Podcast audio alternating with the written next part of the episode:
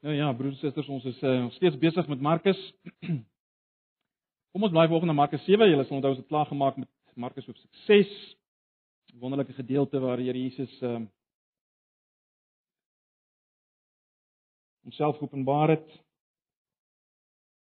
in die vermeerdering van die brood en sy loop op die see. Ons wil uh vanoggend nou kyk na Markus hoofstuk 7.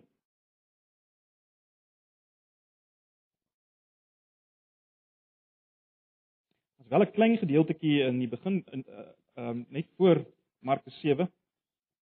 Uh wat ons nou nie behandel het in die preek nie. Ek sal miskien by 'n volgende geleentheid 'n opmerking daaroor maak, maar vanoggend gaan ons uh Markus 7 vers 1 tot 24 ons gaan daarmee besig wees. Goed, kom ons kom ons vra net nou dat die Here self sy woord sal gebruik. Ag Here, dit was wonderlik om U lof te besing, U naam groot te maak. Nou wil ons vra dat U U woord sal gebruik om met ons te praat. En waar dit vanoggend juis gaan oor ons harte, wil ons vra dat U ons harte sal aanraak en ons harte sal beweeg. Here, U ken ons, U ken my. U weet die dinge waarmee ons worstel. U ken vanoggend ons swakhede, ons sonde, U ken ons pyn, ons hartseer. En ons wil maar net vra dat U deur die woord en die werking van die Gees onder ons sal beweeg en sal vermaan maar ook sal bemoedig en sal versterk soos u wil tot eer van u naam. Asseblief Here, ons vra dit in Jesus se naam. Amen.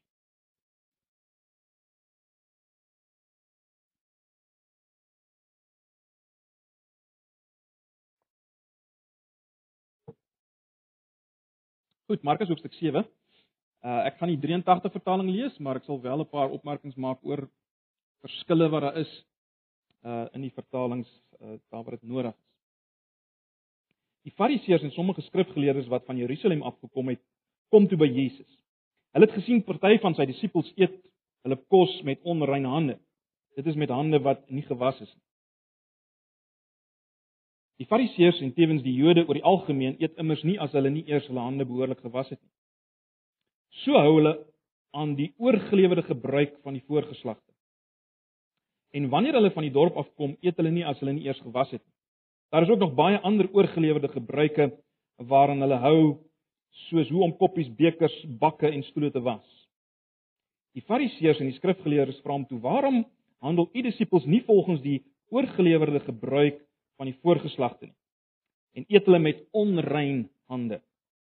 Hy antwoord hulle: Die profeet Jesaja het julle mooi opgesom. Julle is skynheiliges, soos daar geskrywe staan: Hierdie volk eer my met hulle mond, of letterlik met hulle lippe, maar hulle hart is ver van my af.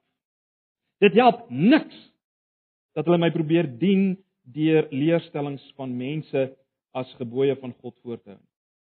Julle laat die gebod van God los en hou aan die oorgelewerde gebruike van die mense vas. Hy het verder vir hulle gesê: "Julle verstaan die kuns goed om die gebod van God op sy te skuwe en julle oorgelewerde gebruike in stand te hou. Moses het gesê: "Eer jou vader en jou moeder en wie sy vader of sy moeder vloek, moet sekerlik doodgemaak word." Maar julle sê iemand kan vir sy pa of sy ma sê: "Enige gawe wat u van my sou kry, is korma, is korban." Dit wil sê 'n offergawe vir God. En so laat julle hom toe om hoegenaamd niks vir sy pa of sy ma te doen. So ontneem julle die woord van God sy gesag deur julle oorgelewerde gebruike wat julle op die beerd weer wat wat julle op uh, op julle beerd weer oorgelewer het. Daar is ook nog baie ander sulke dinge wat julle doen. Daarna het Jesus weer die menigte nader geroep en hulle gesê: "Luister, julle almal hier na my en verstaan dit goed. Niks wat van buite af in 'n mens ingaan kan hom onrein maak. Maar die dinge wat uit 'n mens uitkom, dit maak hom onrein." Toe hy van die menigte af weer huis toe gegaan het, het sy disippels hom oor hierdie beeldspraak uitgevra. Hy sê toe vir hulle: "So dan verstaan julle dit ook nie. Begryp julle nie dat niks wat van buite af in 'n mens ingaan hom onrein kan maak nie, omdat dit nie in sy hart ingaan nie, maar in sy maag en daarna uit sy liggaam uitgaan?" daarmee het hy alle kos rein verklaar. Vers 20: Maar het hy verder gesê: Wat van binne af uit 'n mens kom, dit maak mens onrein van binne af uit die hart van die mens kom die slegte gedagtes, onkuisheid, diefstal, moord, oorspel, hebsug, kwaadwilligheid, bedrog, losbandigheid, afguns, kwaadpraatery, hoogmoed, ligsinnigheid. Miskien net 'n opmerking maak uh die 83 vertaling het nou die woord ligsinnigheid daar die die die die, die woord is eintlik dwaasheid foolishness sal julle sien in die Engelse vertalings dit en ek sou graag dit so wou behou. Uh, ligsinnigheid is maar net 'n onderafdeling van dwaasheid. Maar goed. Vers 23: Al hierdie slegte dinge kom van binne af en dit maak mens onrein. Lees net tot daar vanoggend.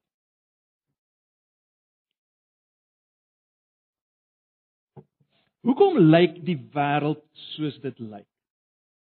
Het jy al daaroor gedink? Hoekom lyk die wêreld soos dit lyk? Hoekom maak mense oorlog? Hoekom moor mense en pleeg bedrog? Hoekom vind verkrachtings en molesterings plaas? Hoekom het ons soveel sosiale probleme? Waar kom die sosiale probleme van die dag vandaan? Waar kom dit vandaan? Wat is die oorsaak van al die sosiale probleme van Maar bietjie nader aan onsself, hoekom lyk my en jou optrede soos dit dikwels lyk? Dink net daaroor. Hoekom beledig ons mekaar soms? Lieg vir mekaar. Ja, ons hier in die gemeente. Skinder. Skree op mekaar. Hoekom?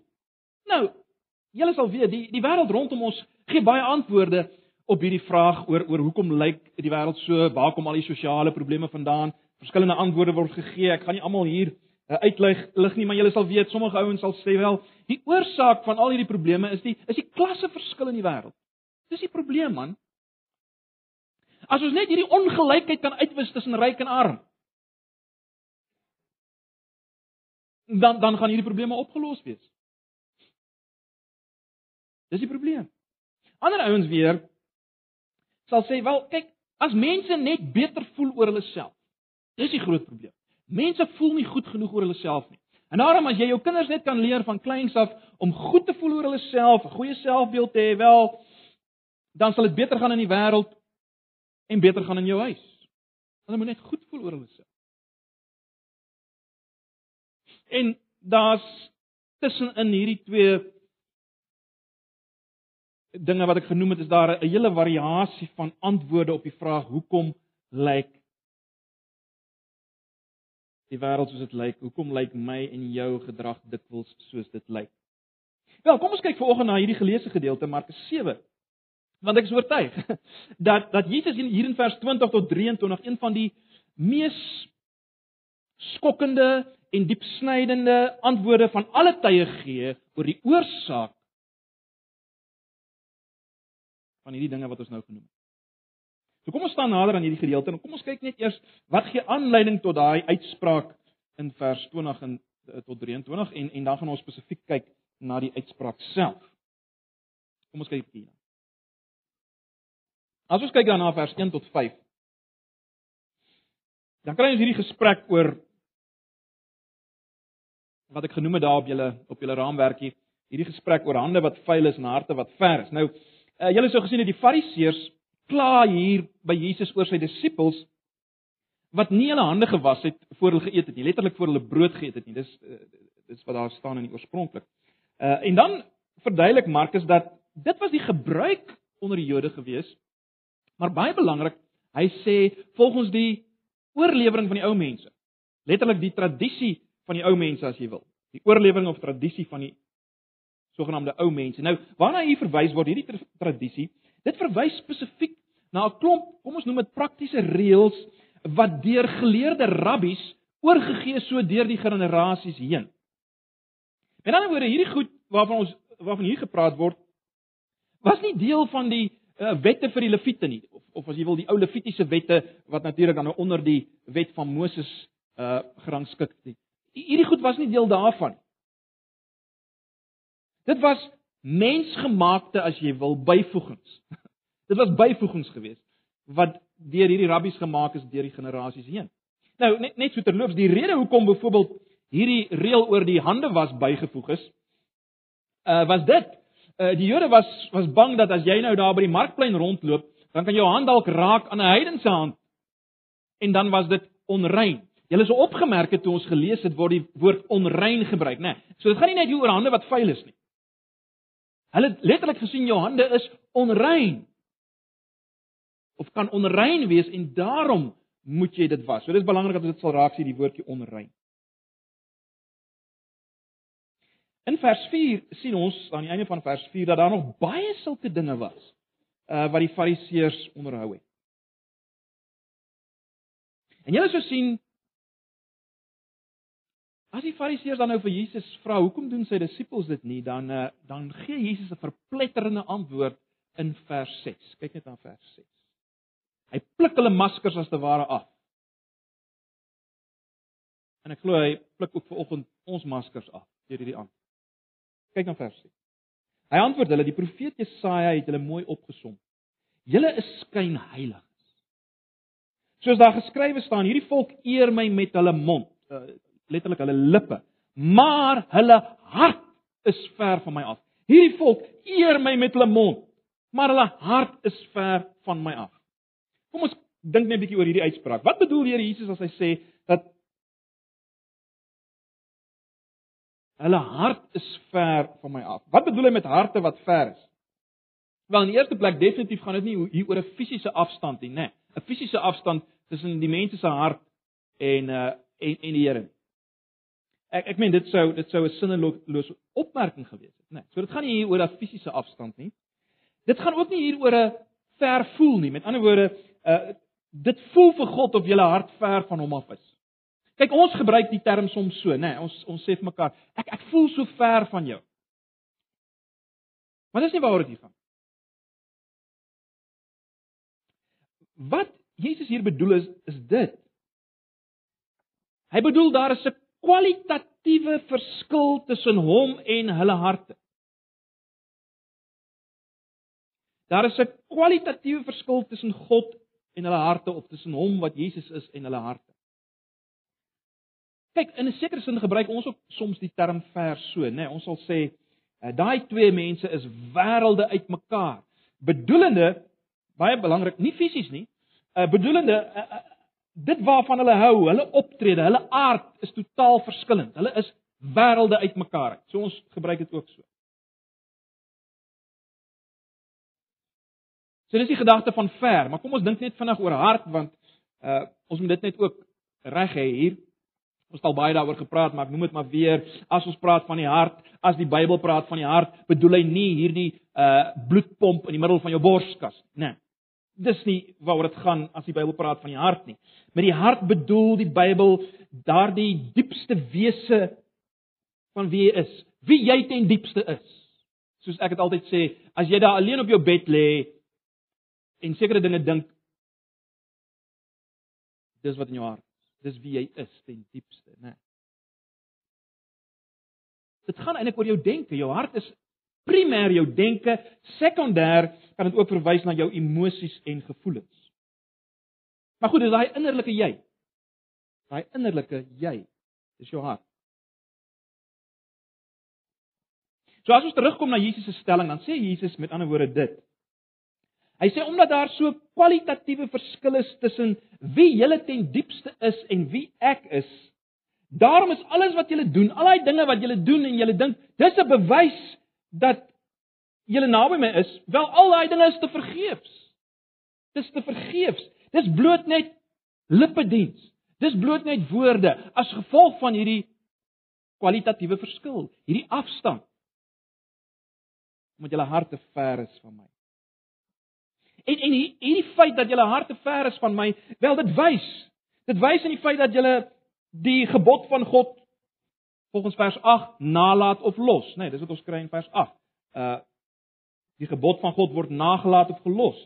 Vers 9, dit word op sy gestoot. Dis wat ons kry in vers 9 of dit word kragteloos gemaak. Julle ontneem dit sy gesag afhangende van watter vertaling jy het, vers 13. So in vers 8, vers 9 en vers 13 sien ons hoe dit manifesteer hierdie harte wat ver. En dan net om seker te maak dat hulle nou nie kan sê maar ag nee man Jesus, wat bedoel jy nou prakties? Net om seker te maak dat hulle uh nie dit kan sê nie, gee Jesus 'n baie konkrete voorbeeld en dis wat ons kry in vers 10 tot 13, né? Nee, in vers 10 tot 13 gee hy nou 'n konkrete voorbeeld van wat hulle doen. Hy haal die gebod aan van uh jy moet jou vader en moeder eer. En dan wys Jesus dat hierdie gebod word op sy gestoot of op sy gedruk deur die sogenaamde oorgelewerde lering of gebod of tradisie van die korban. Die korban. Nou die woord korban is 'n Arameese woord wat in sy Hebreëse vorm beteken 'n offer aan God. 'n Offer aan God. Die woord of die wortel van die woord het te doen met naderbring en dit impliseer dat dat 'n sekere gawe naby God gebring word en en dan is dit heilig. Jy kan dit nie meer gebruik vir enigiets anders. So sekere goed is as korban verklaar deur hierdie ouens op grond van hierdie oorgelewer dis 'n oorgelewerde tradisie dat sekere goed kan verklaar word as korban uh en jy kan dit dan vir niks anders gebruik nie. Al al bly dit nog in jou besit as eienaar. In die geval wat Jesus hier aanhaal, is daar 'n man wat iets korban verklaar iets wat waarde sou gehad het om sy ouers te help, sy ouers wat swaar kry te ondersteun. Maar hy verklaar iets daai daai goed wat hy kan gebruik vir sy ouers, verklaar hy korban en met ander woorde hy kan dit nie gebruik daarvoor. So wat doen die ou? Wel, hy hy stoot die gebod van God, jy moet jou vader en jou moeder eer, druk hy op sy uh as ter wille van of uh, hy, hy hy hy hy doen dit op grond van hierdie oorgelewerde gebruik van korban en en wat gebeur? Wel hy eer nie sy vader en moeder nie. Hy kom nie die gebod van God na nie as gevolg van hierdie oorgelewerde gebruik. As jy dit anders wil stel, hierdie oorgelewerde gebruik of hierdie tradisie verskoon hom. Hy kan dit maar doen. Hy kan maar hy kan maar die gebod van God op sy druk om sy vader en sy moeder te eer. En Jesus sê daar's nog baie ander sulke dinge wat julle doen wat 'n bewys is dat julle harte ver van my af is. Want jy sien, baie belangrik, die gebod van God gaan ten diepste oor die hart. En en dis wat Jesus natuurlik baie duidelik om uitbring. Julle sal weet in Matteus 6 maak hy dit baie duidelik uh dat dit eintlik gaan oor die hart, né? Nee, hy sê uh 'n man kan egbreek pleeg as hy net na 'n vrou kyk in sy hart, want dis wat dit saak maak. Nie net die fisiese daad Wat gaan in jou hart aan? Dis wat vir God saak maak van altyd af. En en en wat Jesus sê is uh dat jy eerder 'n mensegebod handhaaf, bewys jy hart is ver van my. As jy hart nie ver van my af was nie, dan sou jy nie eerder 'n mensegebod gehandhaaf het. Jy sien? Dis wat Jesus sê. En dan as dit lyk asof hulle nog steeds nie verstaan nie, dan dan dan roep Jesus hulle nader aan vers 14 tot 18. Dit ons daar kry. Uh en en wat hy doen is hy hy hy sê eers kripties vir almal wat hy opsommend bedoel. Hy gee opsomming kripties vir almal en dan ook in besonder vir sy disippels. Wat Jesus basies sê is die volgende. Hy sê basies die volgende. Hy sê vir hulle kyk, al hierdie dinge wat julle so nakom. Dit het geen effek op julle reinheid of onreinheid. Geen effek. Ja, julle dink dit maak julle rein voor God, maar luister, dit beteken niks. Kyk, eh, sê Jesus vir hulle, julle weet mos wat gebeur met kos wat julle eet. En julle weet dit. Nou net so min as wat daardie kos julle kan onrein maak, daar waar dit saak maak vir God, net so min kan hierdie dinge wat julle doen, julle rein maak daar waar dit saak maak vir God of onrein maak.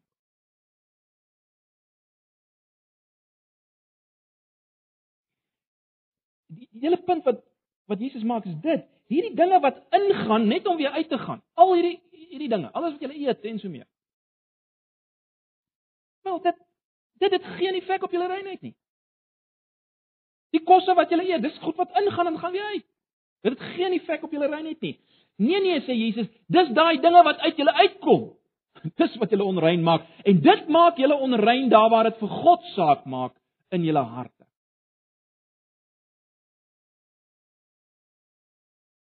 En dis wat God sien, is dit nie? Uh julle sal weet in Jeremia 17 vers 9 sê die Here, bedrieglik is die hart bo alle dinge, Wie kan dit ken? En dan sê die Here, ek die Here deursoek die hart. Ek ken die hart. Mense ken nie regte mekaar se harte nie. Julle ken nie my hart nie en ek ken nie julle harte vanoggend nie. Maar God deursoek die hart. So die punt wat Jesus wil maak is al daai dinge wat julle doen dit het geen effek op die hart. Op die reinheid van die hart. En dan kom Jesus en hy hy kom wys vir hulle hoekom is dit so? Hoekom is dit so dat hulle die gebod op sy sit? Hoekom is hulle harte ver van hom af? Hoekom is hulle so kwalitatief anders as hy? En dis wat ons dan nou kry uh as Jesus hierdie beskrywing gee van die mens se probleem in vers 20 tot 23. Dis 'n geweldige analise van die toestand van die mens wat Jesus hier gee, né? Kyk dit weer daarna. Vers 20, maar hy het verder gesê wat van binne af uit 'n mens kom, dit maak 'n mens onrein. Van binne af uit die hart van die mens kom die slegte gedagtes, onkuisheid, diefstal, moord, oorspel, hebsug, kwaadwilligheid, bedrog, losbandigheid, afguns, kwaadpraatery, hoogmoed, ligsinnigheid, kom ons bly by dwaasheid. En dan in vers 23 sê hy al hierdie dinge kom van binne af en dit maak 'n mens onrein. Alles kom van binne af en dit maak 'n mens onrein. So kom ons probeer dit wat Jesus hier sê vasvat in 'n paar punte om dit vir ons makliker te maak. Wat wys Jesus hier? Wel in die eerste plek wys Jesus dat luister mooi, Jesus wys dat alle mense ten diepste in hulle of as jy dit so kan stel, in hulle diepste wese boos is. Jesus wys dat alle mense in hulle diepste wese boos is. Onthou nou 'n bietjie, onthou nou 'n bietjie, Jesus as hy hier praat, gee hy nie 'n voorbeeld van hoe die boemelaars van sy dag lyk, die drinkers van sy tyd, die werklooses van sy tyd of die moordenaars van sy dag nie. Hy praat nie met hulle en vertel hulle hoe hulle lyk nie. Let op. Hy praat met die Fariseërs. Jy kan nie met 'n meer geraffineerde regverdige godsdienstige ou gepraat het as die Fariseërs nie. Ons ons het 'n vreeslike negatiewe beeld van die Fariseërs. En ons weet waarom, maar maar maar maar, maar ons moet dit nie mis nie. Ek het al baie vir julle gesê. Hierdie ouens, jy kon nie 'n vinger na hulle wys nie.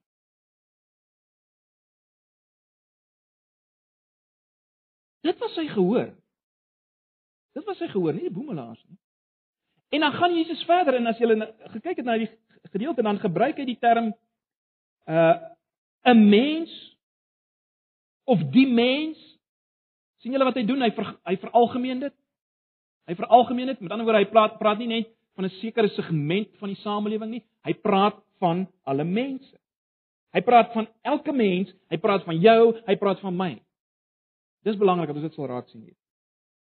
Ag en as as as as jy eerlik is met jouself, ongelukkig is ons is ons dit wil nie eerlik met onsself nie, ons is bitter min eerlik, maar as jy eerlik is met jou ons met jouself dan dan sal jy weet dat selfs die beste dinge wat jy dit wil probeer doen is besmet deur hier, hier hierdie binneste jy. Né? Nee. Paulus gaan so ver in in, in Romeine 3 en hy sê ook 'n geweldige analise gee van die menslike toestand in vers 12 van hoofstuk 3 sê hy: "Daar's niemand wat goed doen nie." Niemand nie. Ja, dit mag lyk asof dit iets goeds is wat gedoen word, maar uh, in God se oë, al is dit 'n goeie ding menslik gesproke. In God se oë is daar niemand wat goed doen nie want dit gaan eintlik weer oor hulle self.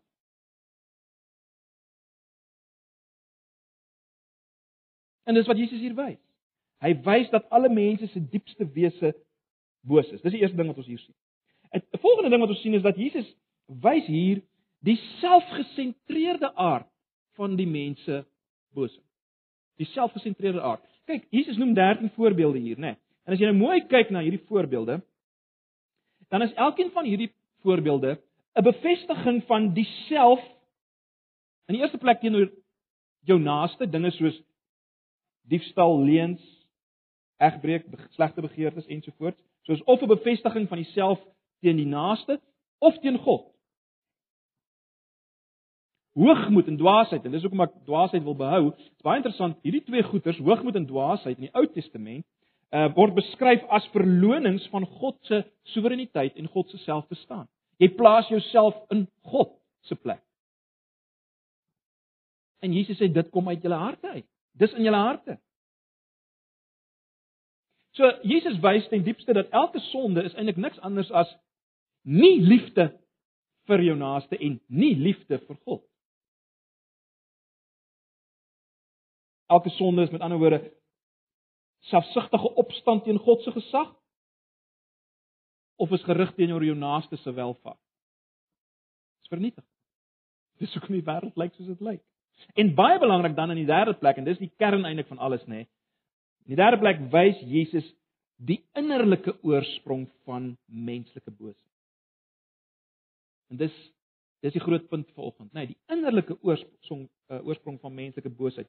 Jesus wys hier onomwonde, nee, dat dat ek en jy en die wêreld daar buite tree nie op as gevolg van die omstandighede rondom ons nie. Ons tree nie op soos ons optree as gevolg van ons opvoeding nie. Natuurlik het al hierdie dinge 'n geweldige impak op ons. Dit speel 'n rol, ja, maar dis nie die groot rede hoekom jy optree soos jy optree nie. Nee nee. Jy tree op as gevolg van dit wat in jou hart is. Met, met ander woorde, jy jy kan nie skuld gee vir iets of iemand nie. Ja, dis my dis my man wat so is, anders sal ek nie so optree nie. Ja, my vrou is, is so en so. My ouers is so onredelik. Dis hoekom ek maar maar maar maar optree soos ek optree. Jy sien, uh, ons regverdig onsself. Ons gee iets anders die skuld vir ons optrede, maar Jesus kom en sê nee, nee, nee. Dis nie die rede hoekom jy optree soos jy optree nie. Jy kan nie 'n vinger wys na iets anders nie. Die oorsprong van al jou slegte optrede kom net van een plek af en dis jou hart, jou eie hart.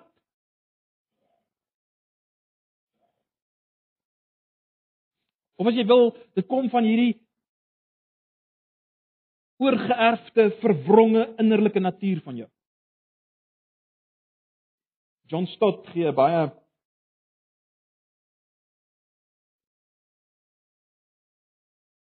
Hoe kan ek dit stel? Uh 'n verpletterende beskrywing van die hart, as ek dit so kan stel. Ek dink ek het dit al op 'n stadium vir julle gelees. Luister hierna. Luister wat sê hy, hoe lyk die hart? Ek lees nou maar in Engels. Hy say the thick deposit of mud at the bottom is usually unseen and even unexpected. But when the waters of the well are stirred by the winds of violent emotion, the most evil looking filth bubbles up from the depths and breaks the surface rage, hate, lust, cruelty, jealousy, and revenge. Ah. Ken ons dit nie? Ek dink ons almal was al verstom oor die potensiaal van boosheid.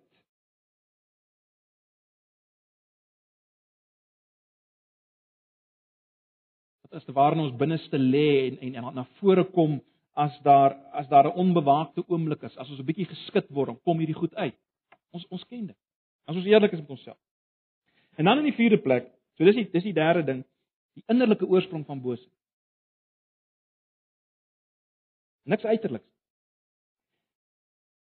Die vierde plek wys Jesus hier die besoedelende aard van menslike boosheid. Uh, Julle sou gesien het daar in vers 23 maak hy baie duidelik hierdie slegte dinge kom van binne af en dit maak 'n mens onrein.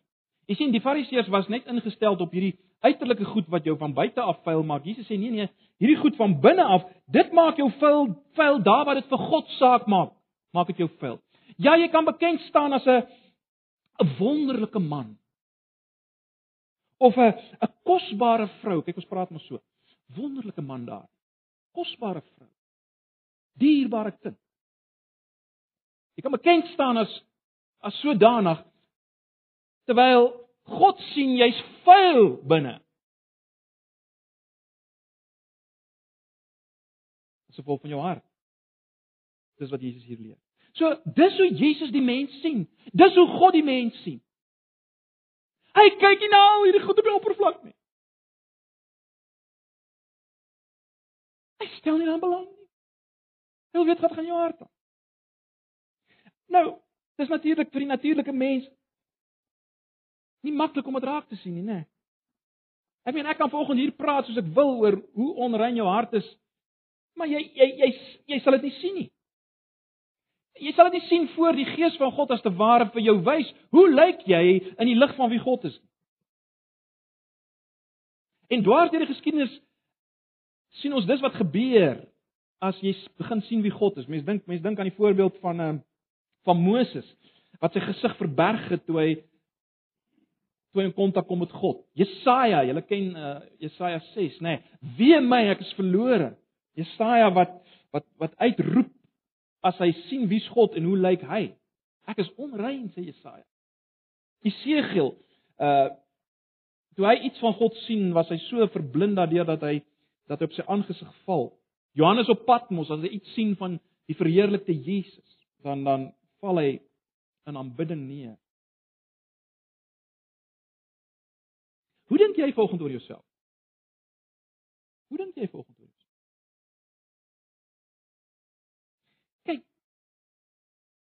Ons kan op so 'n subtiele manier die aandag as te ware wegskuif van onsself en goed voel oor onsself. Uh, uh dis maklik, nê? Nee, ons kan ons kan ons kan kyk na die tradisievaste ouens in die susterskerke. En dan dan voel ons goed dat ons darm nie so is soos die tradisievaste ouens in die susterskerke. Maar jy weet, die die, die ou wat meer charismaties is, kan net so ver van God af wees. Met al sy amens en haleluja's en die Here het vir my gesê uitsprake, kan net so ver van God wees. En die ou wat staat maak op sy gereformeerdheid en sy pragtige gereformeerde woorde, die soewereiniteit van God, God gesentreerdheid, kan net so ver van God af wees. Jy sien jy kan goed voel oor al hierdie dinge, maar dit is nutteloos vir God. Al wat vir hom tel is of jy hom met die hart eer. En as jy hom met die hart eer, sal jy van binne af hom lief hê en jou naaste lief hê. Maar jy kan dit nie doen as jy nog die hart het waarmee jy gebore is nie. Jy kan dit nie doen nie. Om die waarheid te sê, jy sal nie eens lus wees om dit te doen nie. En jy sit vanoggend van ons wat waarskynlik nie eens lus is om dit te doen nie. Uh, dit is vir jou baie makliker en baie lekkerder om maar net aangeleerde mense gebooie na te kom, né? Nee. Uh dinge wat wat almal rondom jou as mooi en goed beskou. En dan voel jy lekker oor jouself. Ek kom daarom na die eredienste toe. Ek woon die selgroep by. Ek luister gospel musiek en so nou en dan bid ek in die aand as daar 'n moeilikheid is wat volgende dag gaan gebeur. En dan voel ek goed oor myself.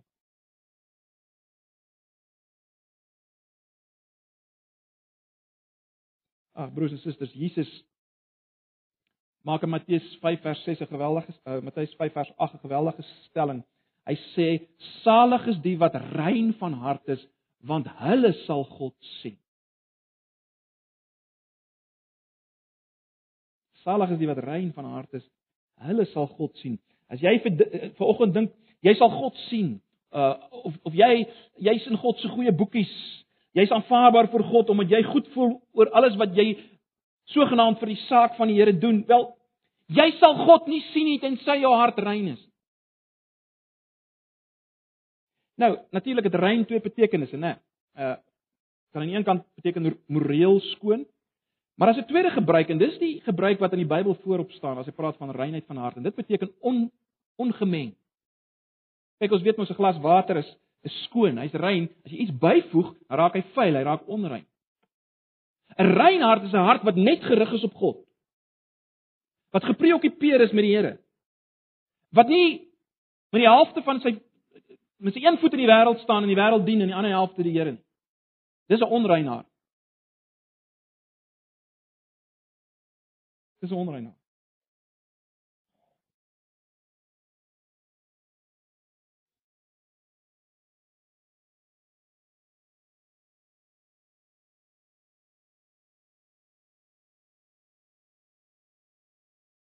Die vraag is weer, waar staan jy?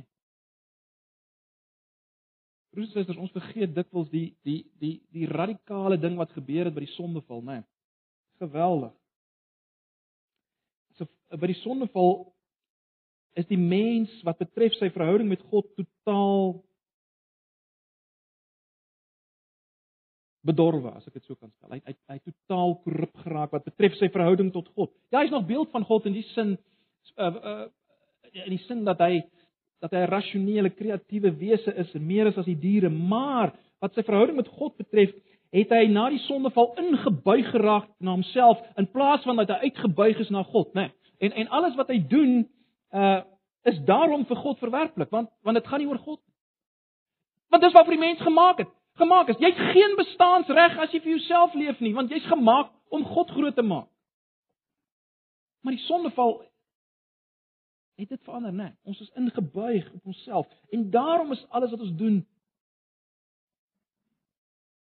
korrup. Al lyk dit goed. As dit gaan oor my en nie oor God nie. Want dis waarvoor ons gemaak is. En en dis die probleem dwars deur die Ou Testament, né? Nee.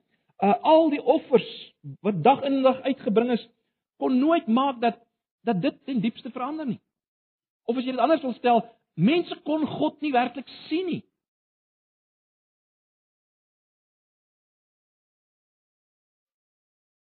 Dit was die groot tragiek broers en susters van die hele ou verbond, is dit nie? Die groot tragiek dat al het hulle die die wil van God gehad, die wet uh wat goed is en reg is, dit kon nie hulle harte verander nie.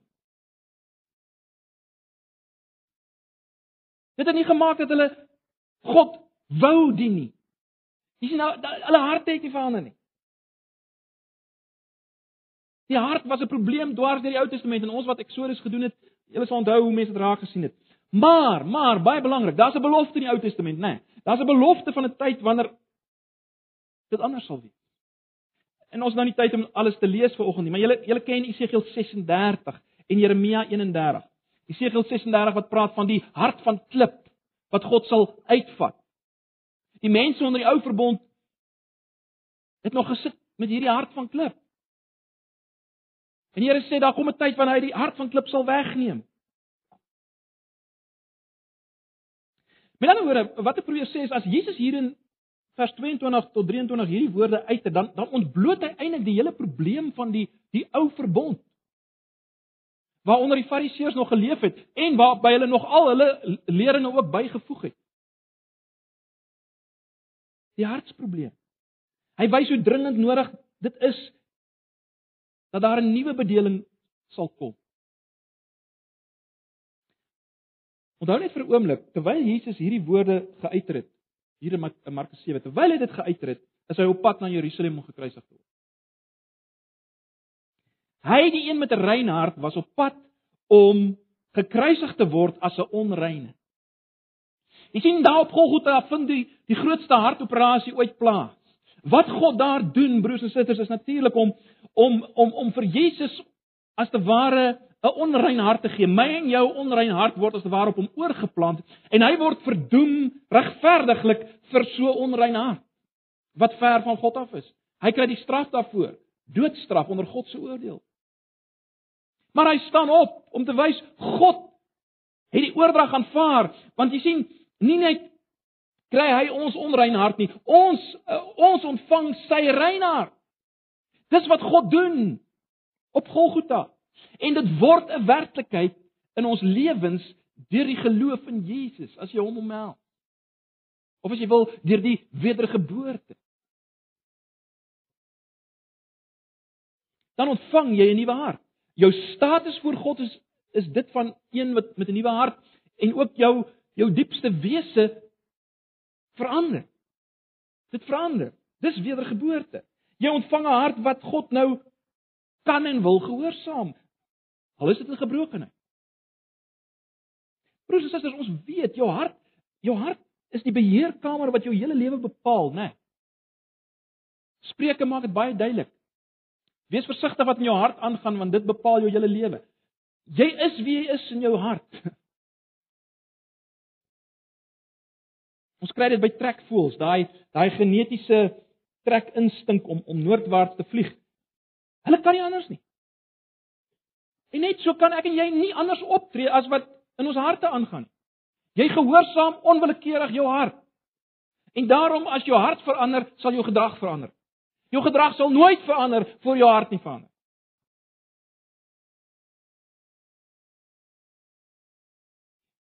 Dink maar net weer en, en ek gaan nou nie lank daaroor uitbrei nie, maar dink weer aan Esegiel 36 se hart van klip, né? Uh, uh, dis 'n ding wat hard is, on, onbuigbaar is, gevoelloos is vir die dinge van die Here, nie 'n saak met die dinge van die Here nie, gevoelloos. Terwyl die Here beloof 'n hart van vleis wat sag is, nê. Nee, vol gevoel vir die Here, vir sy eer. So 'n hartsverandering bring hierdie nuwe lewensbeginsel. 'n Hartsverandering bring nuwe ambisies, nuwe verlange, nuwe hartstogte.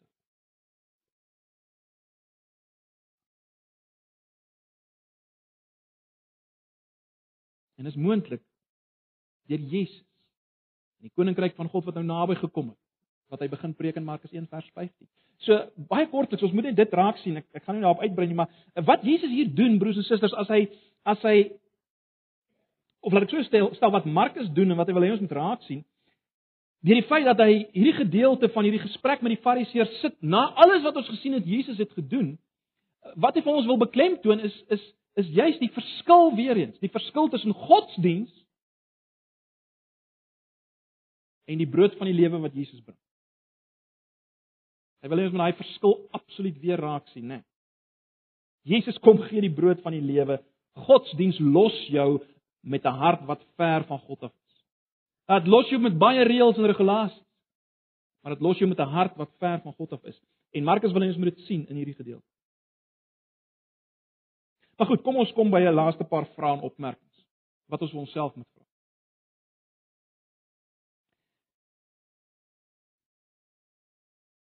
Vraag wat jy en ek volgens vir onsself moet afvra. Die natuurlike vraag is natuurlik dit: Eer jy, eer ek God met my lippe terwyl my hart ver van hom af is? Is dit waar van my of is dit nie? Dis 'n groot vraag, né? Nee. Hoe lyk iemand wat God eer met sy lippe maar sy hart is ver van die Here af? Wel, wel, dis iemand wat deur al die emotions gaan. Al die emotions, al die Christelike emotions. Maar as nie 'n hartsliefde vir die Here wat wys in die feit dat ek tyd maak vir die Here, dat ek in kommunikasie is met die Here nie, maar ek gaan deur al die emotions. As dit waar is van jou, dan is jy waarskynlik in hierdie kategorie. Jy eer die Here met jou mond, jy sê al die regte goed, al die mooi goed, Ja, ver van. 'n Tweede vraag wat jy jouself moet afvra is: Het jou hartsprobleem al vir jou 'n dringende persoonlike bekommernis geword? En, en jy moet mooi hoor wat ek vra. Ek vra nie glo jy dat mense sondig is? Dis nie wat ek vra.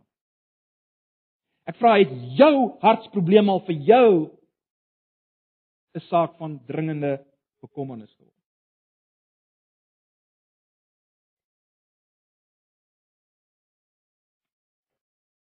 Ag, broers en susters.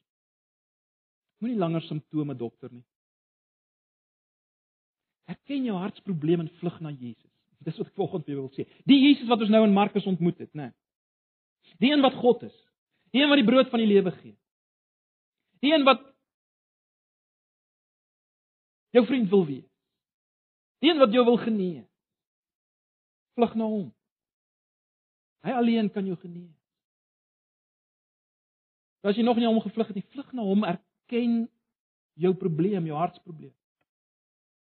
Maar ek weet, miskien sit jy volgende hier en sê Jakobus, ek is 'n kind van die Here. Maar maar hoekom kom al hierdie goed nog uit my uit? Wel, die blote feit dat dit jou pla vanoggend wys vir my dat daar wel dat jy wel 'n nuwe hart het. Nou anders sal dit jou glad nie pla nie.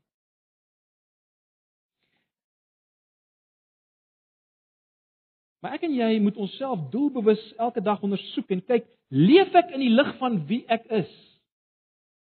Die persoon met 'n nuwe hart. Leef ek in die lig daarvan? Of laat ek weer afgode toe in my hart wat my hart onrein maak? Onthou nou wat ons gesê het, onreinheid is verdeeldheid. Die oomblik as jy 'n afgod in jou hart toelaat, wat dit ook al mag wees, dan raak jou hart onrein vir God.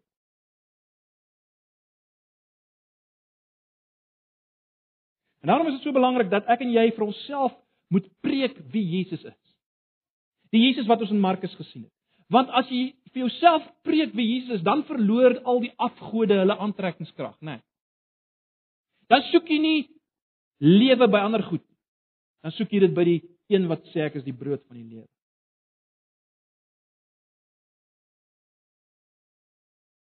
En as dinge skeefloop en jy's by wyse van spreuke op die donker en woeste see soos die disippels in hoofstuk 6, uh As jy jouself herinner aan wie Jesus is, dan sal jy nie jou toevlug neem na na ander gode om jou te help. So dis wat ons moet doen. En dan daarmee saam en ag, ons het al hieroor gepraat, broers en susters, dan dan moet ek die dinge wat nie pas by my nuwe hart nie, moet ek moet ek bely en laat staan, bring dit na Jesus. Bring dit na Jesus. Laat staan. So dis wat ons moet doen, ons wat nuwe harte het. Daagliks is dit ons stryd. Dit is die groot stryd van die Christen, die stryd om jou hart rein te hou, onverdeeld op die Here gerig te hou. Maar die goeie nuus en ons moet dit vat vanoggend. Die goeie nuus is dat dit is dit is 'n stryd waarin ons oorwinning kan behaal. Ons kan oorwinning behaal. Hoekom? As gevolg van Jesus. Die Jesus van Markus. Die Jesus wat die oorwinning behaal het op Golgotha. En as gevolg van die werk van die Heilige Gees. En dis die goeie nuus. Ons is in 'n beter posisie. Weereens is ons in 'n beter posisie as die ouens onder die ou verbondsbedeling. Ons is in 'n beter posisie. Net 'n laaste gedagte.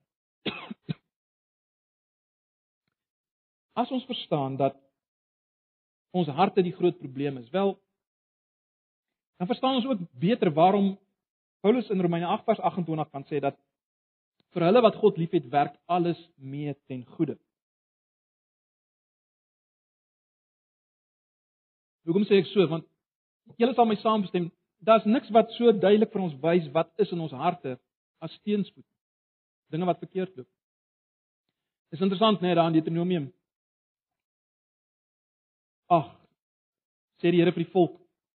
Ek het julle in die woestyn gelei om te sien wat in julle harte is.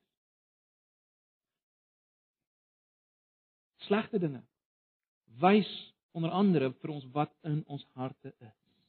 En daarom bewys God ons in 'n sekere sin 'n guns as ons deur swaar tye gaan sodat hy ons harte vir ons kan wys, sodat ons na Jesus kan vlug en verander kan word om al meer soos hy te word.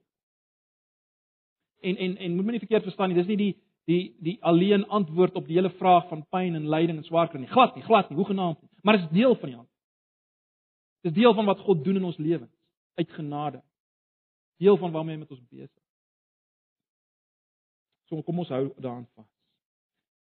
Ag broers en susters, ag mag die Here gee dat ons elkeen volgens net weer 'n ware beeld van onsself sal kry.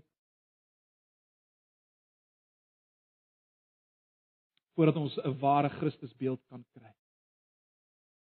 Jy moet eers sien wie jy is, jou probleem van jou hart voor jy kan sê on Christ the solid rock I stand all other ground is sinking sand. Ag mag die Here dit vir ons doen.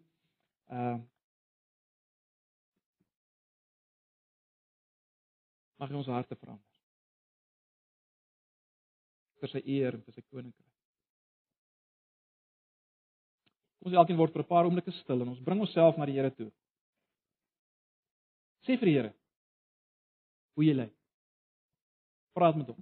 Net vir 'n paar oomblikke en dan sluit ek.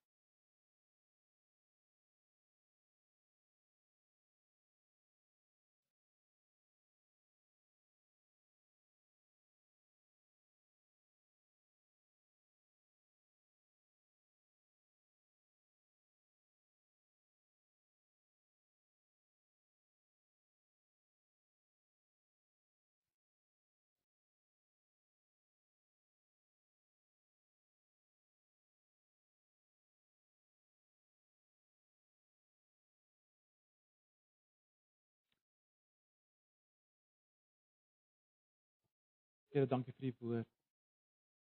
Ek wil nou net bid dat u self die naprediker sal wees en die vinger sal lê daar waar dit gelê moet word. Dat u ons elkeen maar net weer opnuut sal dryf na u en onverdeelde trou aan u alleen. Asseblief. Ons vra dit in Jesus se naam. Amen. Kom ons sluit af met 'n laaste lied.